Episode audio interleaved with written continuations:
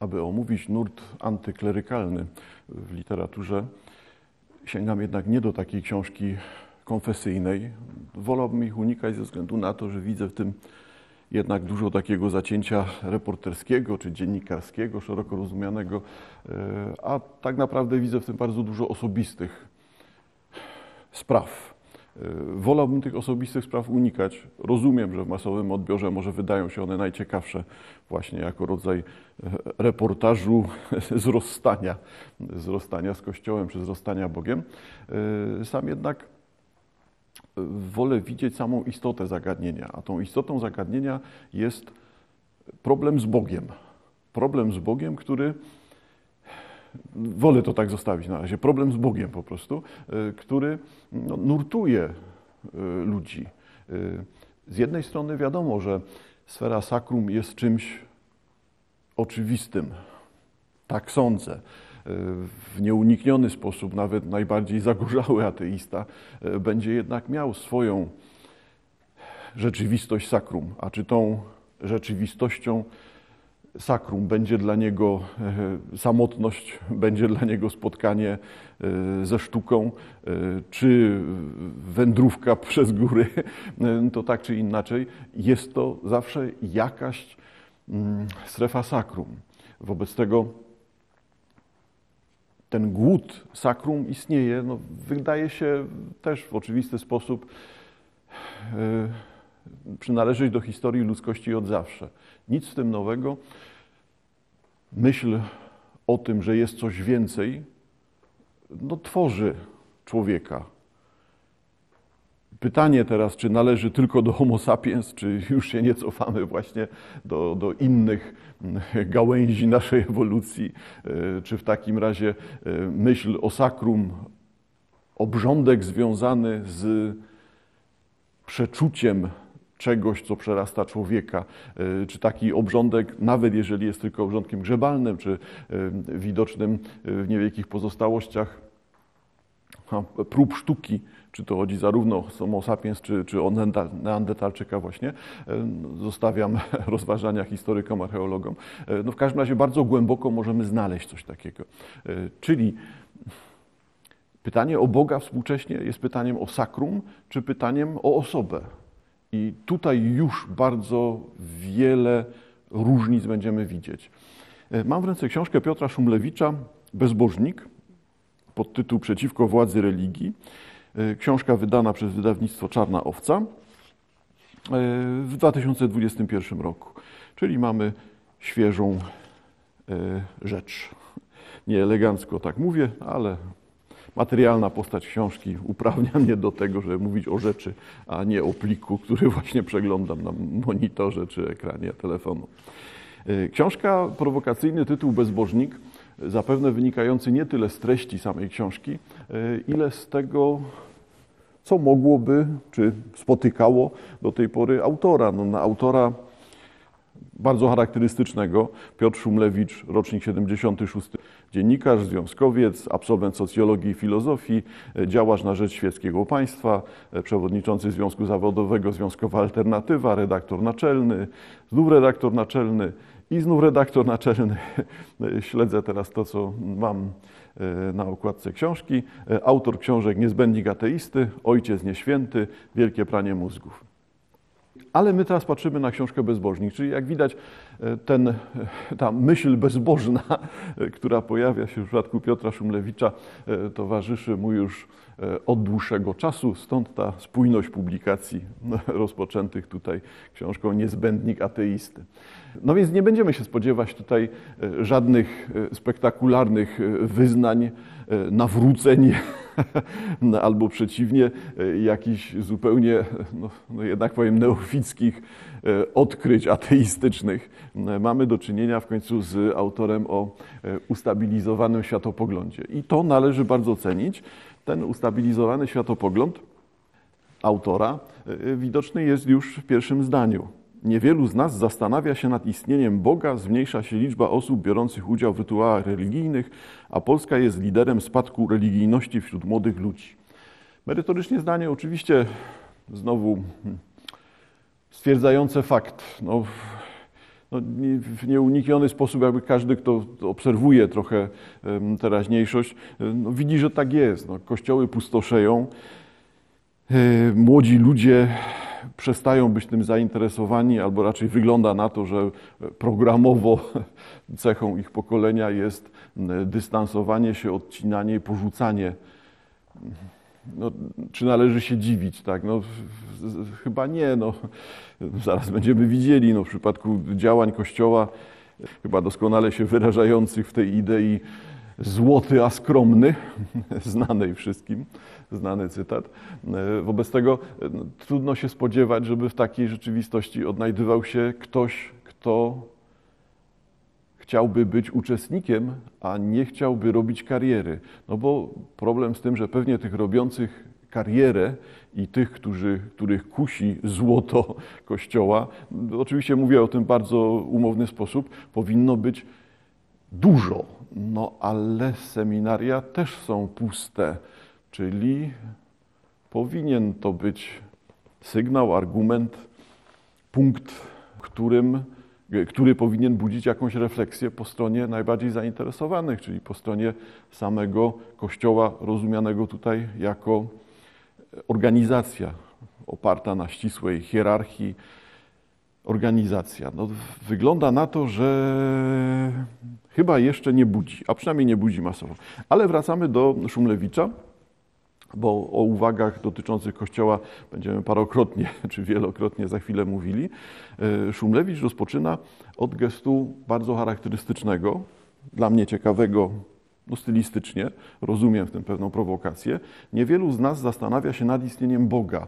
E, I tutaj słowo Bóg pojawia się z małej litery, chociaż Szumlewicz nie prowadzi rozważań dotyczących wszystkich bogów. To nie historia religii, tutaj na przykład politeistycznej, która uprawniałaby do posługiwania się e, jak najbardziej tą małą literą, tylko jednak książka Szumlewicza obraca się e, wokół katolicyzmu i, tak, tak, i to katolicyzmu bardzo określonego, specyficznego z globalnego punktu widzenia, e, bo katolicyzmu polskiego. To dlaczego mała litera? No, no, dlatego, że jednak ujawniając od razu warsztat Szumlewicza, może przyda się od razu wyjaśnienie punktu widzenia. E, Szumlewicz konsekwentnie jako ateista e, nie uznaje istnienia Boga. Wobec tego Bóg nie jest dla niego kimś, kto posiada imię, bo w tradycji biblijnej przecież posługujemy się tym terminem Bóg z dużej litery, zastępując e, imię Boga. Czyli skoro Boga nie ma, osobowego Boga nie ma, no to też jest tylko Bóg jako swoistego rodzaju filozoficzny koncept, konstrukt, coś, co wymyślone jest przez ludzi, istnieje tylko w ich głowach, na dodatek fikcyjnie przypisuje się temu czemuś, tej konstrukcji osobową, osobowy charakter, a w rzeczywistości jest ona jedynie zbiorem norm norm, zasad, przyzwyczajeń, rytuałów, jakichś działań zastępczych, czy wreszcie zaspokajaniem jest sposobem na zaspokojenie już wspominanej potrzeby sakrum. Jeżeli tak na to patrzymy, no to jest to konsekwentne, konsekwentne, logiczne. Szumlewicz e, nie mówi tutaj o Bogu jako osobie i nie uderza w Boga, bo byłoby to naiwne. Jeżeli z jego światopoglądu wynika, że Bóg nie istnieje, no to Bóg jest tylko pomysłem, jest teoretycznym założeniem, jakąś nazwą na grupę zjawisk.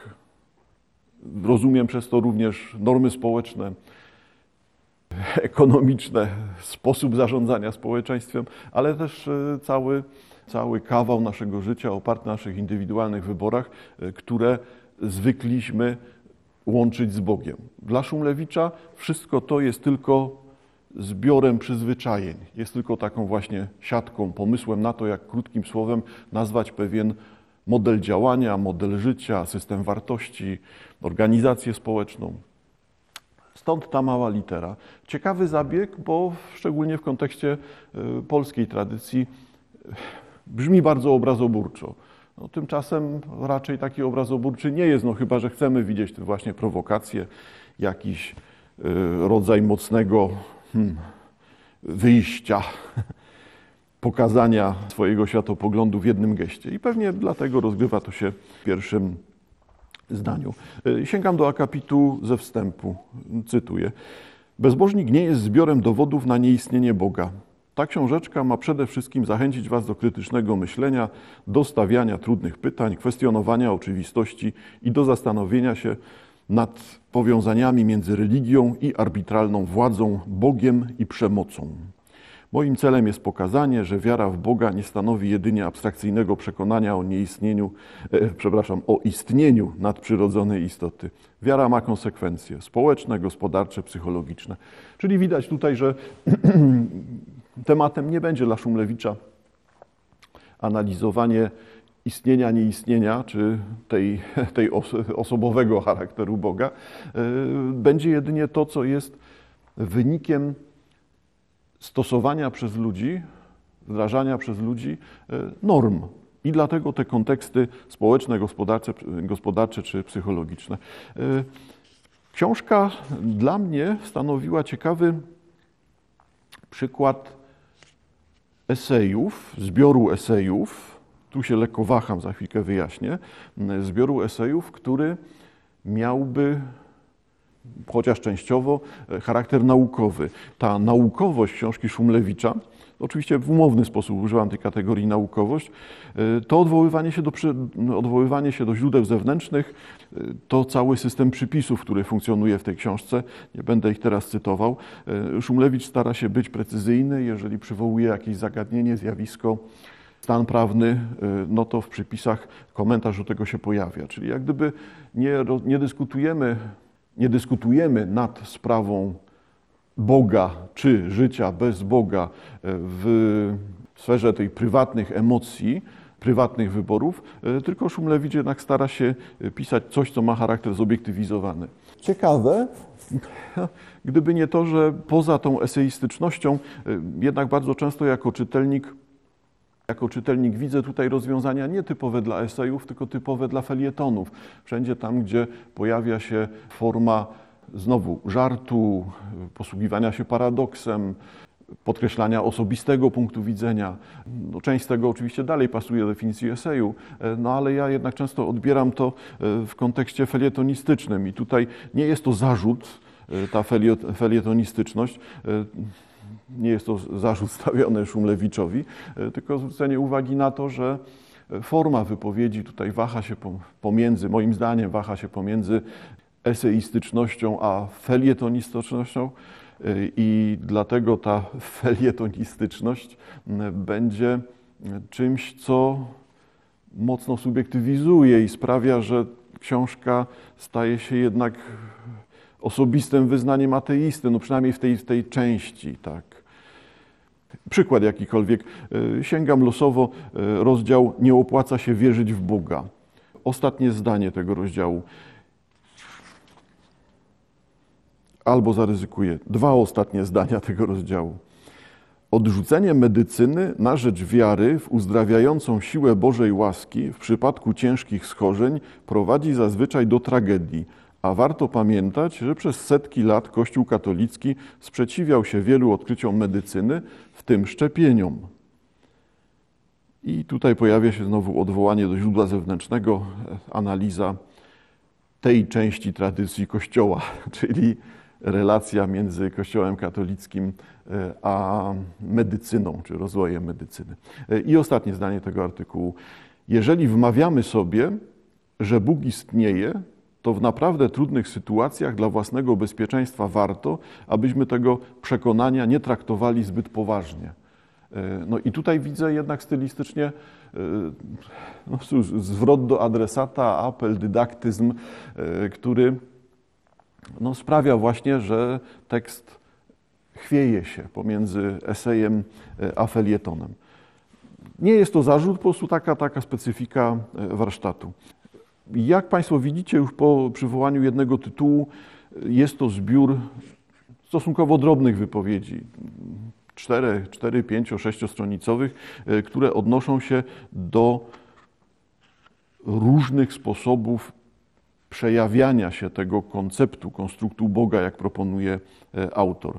Czyli znajdziemy tutaj rozdziały zatytułowane Bóg jest dogmatem, święte księgi służą władzy, Bóg nie jest nieskończenie dobry, religia bywa źródłem zła, Bóg nie jest strażnikiem wartości moralnych i tak dalej. Mamy przed sobą ponad 30 takich właśnie e, rozdziałów.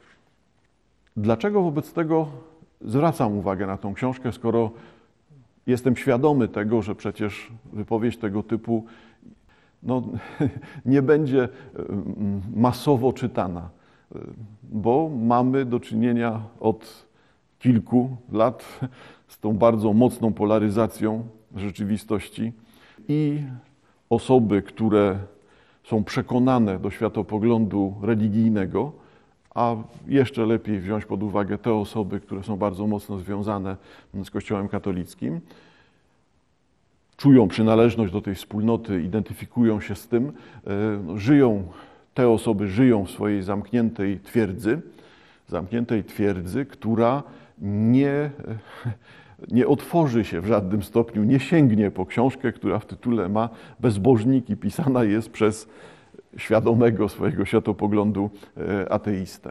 E, a z kolei ci, którzy są na zewnątrz tego kościoła, może nie potrzebują książki tego typu, która przekonuje ich do światopoglądu, e, który już posiadają w mniejszym czy większym stopniu. Może tak być. Wobec tego, czy istnienie tej książki e, będzie, czy, będzie, czy jest, już od paru miesięcy książka jest na rynku wydawniczym, e, i będzie jakimś wstrząsem czy skandalem. E, nie, nie. I chyba nie o skandal tutaj chodzi. Ciekawą sprawą w tej książce byłoby potraktowanie tej listy 30 czy ponad 30 tez jako swoistego rodzaju zbioru wskazań Mamy do czynienia z osobą z zewnątrz. Osobą, która patrząc na to, w jaki sposób przejawia się,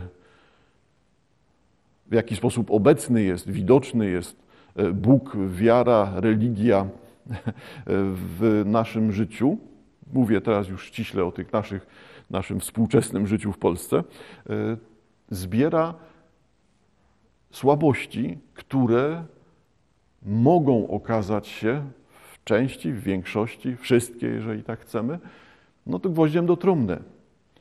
Bo jedno trzeba Szumlewiczowi przyznać, no, nie da się zakwestionować tego, o czym mówi. To są merytoryczne stwierdzenia.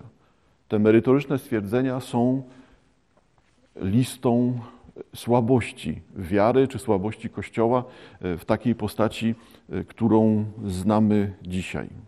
E, jeżeli sięgniemy do, raczej będę no, skakał po tych rozdziałach ze względu na to, że omówienie ich jeden do jeden hmm, no, nie jest potrzebne, a poza tym odbiera przyjemność późniejszej lektury, czyli raczej polecam samodzielnie przeczytać całość.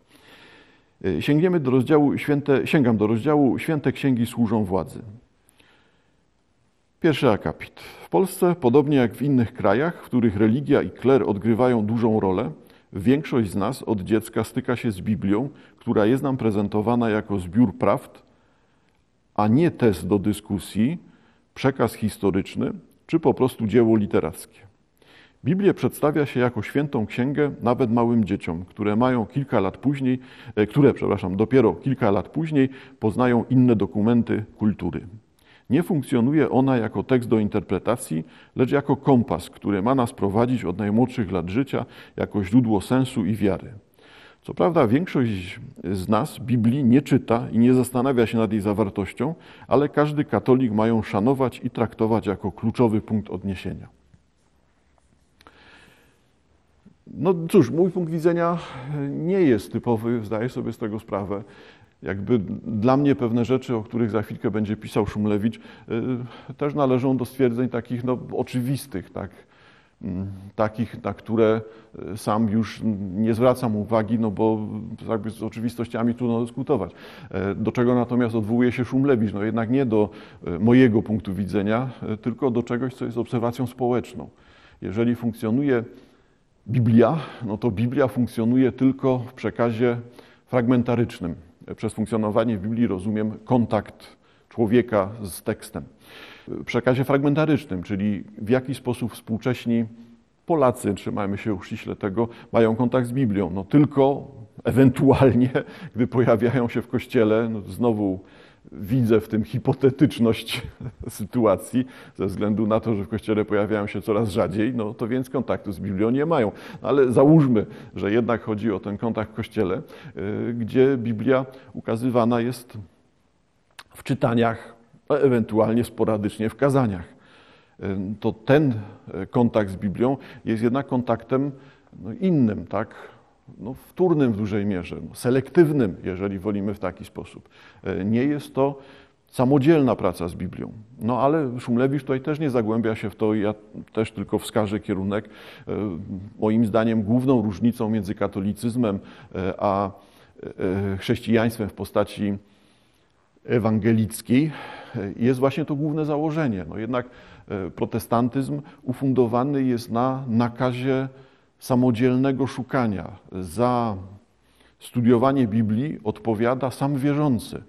W protestantyzmie bardzo mocno jest widoczne to, że osoba wierząca musi mieć bezpośredni kontakt z Biblią, musi sięgać do tej Biblii, musi czytać Biblii. No, protestantyzm wynika z nakazu, wynika z pojawienia się Biblii w językach narodowych, oczywiście źródłowo w języku niemieckim, historycznie w tym sensie źródłowo, e, w języku niemieckim, e, gdy tłumaczenia są konieczne. Tak? Jeżeli to mają być religie ewangelickie, religie sięgające do tekstu świętego, a odrzucające dotychczasową, to do XVI wieku, powiedzmy umownie znowu, e, tradycję Kościoła, no to Biblia musi być dostępna. Tak? Biblia nie może funkcjonować tylko w powszechnym tłumaczeniu e, łacińskim, jakim jest wulgata, e, tylko musi funkcjonować w języku narodowym. Wobec tego e, protestantyzm pojawia się, wynika, opiera się właśnie na tym nakazie samodzielnego szukania w Biblii, samodzielnej odpowiedzialności za swój los teraźniejszy, przyszły, za zbawienie. W katolicyzmie Cóż, po prostu nie ma takiego skazania. Znaczy, no, wskazanie teoretyczne może być, wskazanie takie właśnie, które przejawiałoby się w dydaktycznych kazaniach, e, ale katolicyzm nie jest na tym oparty. Nie jest tak mocno z tym związany jak religie ewangelickie. E, wobec tego dla katolika kontakt z Biblią jest kontaktem kościelnym, kontaktem rytualnym czy liturgicznym, jeżeli wolimy w taki sposób. E, a nie jest tak mocno związany z jego rozwojem osobistym. No i tu znowu docieramy do cech e, katolicyzmu, które Szumlewicz wielokrotnie w swojej książce podejmuje, no a tymi cechami katolicyzmu będzie jednak stawianie na pierwszym miejscu rytuałów, a nie rytuałów i wspólnoty, zróbmy tak, e, a nie rozwoju osobistego, wewnętrznego. No bo tak tutaj, tutaj w sensie na ziemiach polskich e, rozwinął się katolicyzm. Katolicyzm jest zbiorem zewnętrznych e, przejawów, raczej należy do folkloru, wiem, że dyskredytuję, no ale należy do folkloru, e, przez ludzi postrzegany jest jako coś koniecznego, jako pewien element no jednak zaryzykuję e, rytuałów osobistych. To znaczy, jeżeli jesteśmy przyzwyczajeni do tego, że niedzielny poranek łączy nam się z kawą i z miłym śniadaniem, e, najlepiej w gronie rodzinnym czy przyjacielskim, e, no to do tej grupy czynności, do której jesteśmy przyzwyczajeni, e, należy również e, spacer do kościoła, posiedzenie w kościele i wyjście e, z kościoła. Nie ma to żadnego znaczenia poza prywatnym rytuałem, pewną bezwładnością, wydeptaną ścieżką, którą mamy i trzeba tą ścieżkę zaliczyć. W brutalny sposób powiem, że to widoczne jest ta rytualizacja jakby obecności na mszy, widoczna jest w tym, w jaki sposób ludzie e, na tej mszy są obecni. No, nawet jeżeli już przyjmiemy, że kościoły pustoszeją, to jest zgodne z prawdą, nie ma co przyjmować, wobec tego zalecałbym tym, którzy mają z tym styczność i pojawiają się jednak w tej grupie chodzących do kościoła, żeby zwrócić uwagę na to, że uczestnicy mszy nie mają większych problemów z tym, żeby nie wyłączać telefonów, żeby odbierać rozmowy telefoniczne w kościele, bądź dyskretnie komunikować się poprzez telefon w czasie mszy. Tak jest. No to, a w drugą stronę, jeżeli Państwo wolicie mniej nowoczesne przykłady, e, no to skoro przyszedłem do kościoła, to siedzę i się dziwię, że czasem muszę wstać, bo o klęczeniu mowy już tam nie ma. Proszę zauważyć. Także tutaj niestety ta laicyzacja rytualnego pobytu w kościele w czasie, e, w czasie e, niedzieli, no jednak jest bardzo widoczna. Tak, już i zostawmy sprawę. Wobec tego, jeżeli tak na to popatrzymy, no to gdzie jest miejsce dla świętej księgi? No to zaczyna być troszkę e, tylko. No, ktoś tam gada, ktoś tam coś gada. I tak go nie słyszymy, i tak go nie rozumiemy. Ta sytuacja, zdaniem Szumlewicza, zdaje się wypływać nie z oczekiwania ludzi, tylko wypływać z świadomej Y, wydaje się być konsekwencją świadomej operacji hierarchii kościelnej. Czyli Księga Święta ma być święta, ma znajdować się w rękach kapłanów. Kapłani mają być dysponentami tej księgi, mają być głosem Boga, a nie chodzi o to, co to jest ten głos Boga, czym jest Biblia, jako zbiór ksiąg napisanych w różnym czasie, e, napisanych z użyciem różnych gatunków literackich, adresowanych do bardzo różnych grup odbiorców. No, sprawa zaczyna w tym momencie rzeczywiście puchnąć. Tak? To czytanie Biblii e, jest rzeczą wymagającą bardzo dużego przygotowania. E, ale tutaj to tak ma nie funkcjonować, tylko ma to być magiczna historia. Teraz kapłan będzie głosem Boga. Przy czym, jeżeli zapomnimy, co jest treścią tego głosu Boga, albo uznamy właśnie to, o czym mówiłem, że chodzi tu o rytuał, a nie o poszukiwanie, no to okaże się, że, że nie o treść tego przekazu chodzi, tylko o zbiór gestów, aby pokazać kapłana z Księgą Świętą, kapłana, który dysponuje tą księgą, czyta z tej księgi, błogosławi tą księgą, e, całuje księgę, przynosi księgę wcześniej, odnosi księgę na końcu i tutaj nagle znajdowalibyśmy się w kręgu magicznym, rytualnym, magicznym, a, a nie związanym z religią. Jeżeli tak popatrzymy na to dysponowanie, to nie powinno dziwić nie powinna dziwić e, teza Szumlewicza, no właśnie ta, no, święte księgi służą władzy. E, tak rozumiana księga jest wolna od związku z treścią, staje się magicznym rekwizytem. Magicznym rekwizytem, który służy demonstracji osoby. Na co zwraca uwagę e, osoby władającej, tak, tej osoby będącej, e, osoby u władzy, e, osoby, która przedstawia siebie, umacnia swoją pozycję, hmm, pokazując się jako głos Boga, tak. jako osoba wysłana bezpośrednio przez Boga. Wobec tego władza jest tutaj znowu władzą boską. W jaki sposób traktuje Biblię Szumlewicz? Wiele religii, y, cytuję Szumlewicza, wiele religii opiera się na świętych księgach, które zdaniem wyznawców zawierają prawdę dotyczącą istnienia i działania Boga, jego relacji z ludźmi czy wizji społeczeństwa. Taką funkcję pełni, pełnią Stary i Nowy Testament, Koran czy Tora. Księgi te mają zazwyczaj bardzo długą historię, a ich interpretacja wielokrotnie ulegała zmianom. Trudno zresztą temu, e, się temu dziwić. Wszak na przestrzeni dziejów przekształcały się relacje międzyludzkie, rozwijała się nauka, a ludzie zyskiwali wiedzę na temat zjawisk, które przez setki lat były dla nich tajemnicą. Nawet najbardziej zagorzali wyznawcy danej wiary nie mogą zaprzeczyć, że księgi powstawały w określonym kontekście społecznym, który miał wpływ na ich treść i formę. No i właśnie tu miałem na myśli, to miałem na myśli mówiąc o oczywistościach.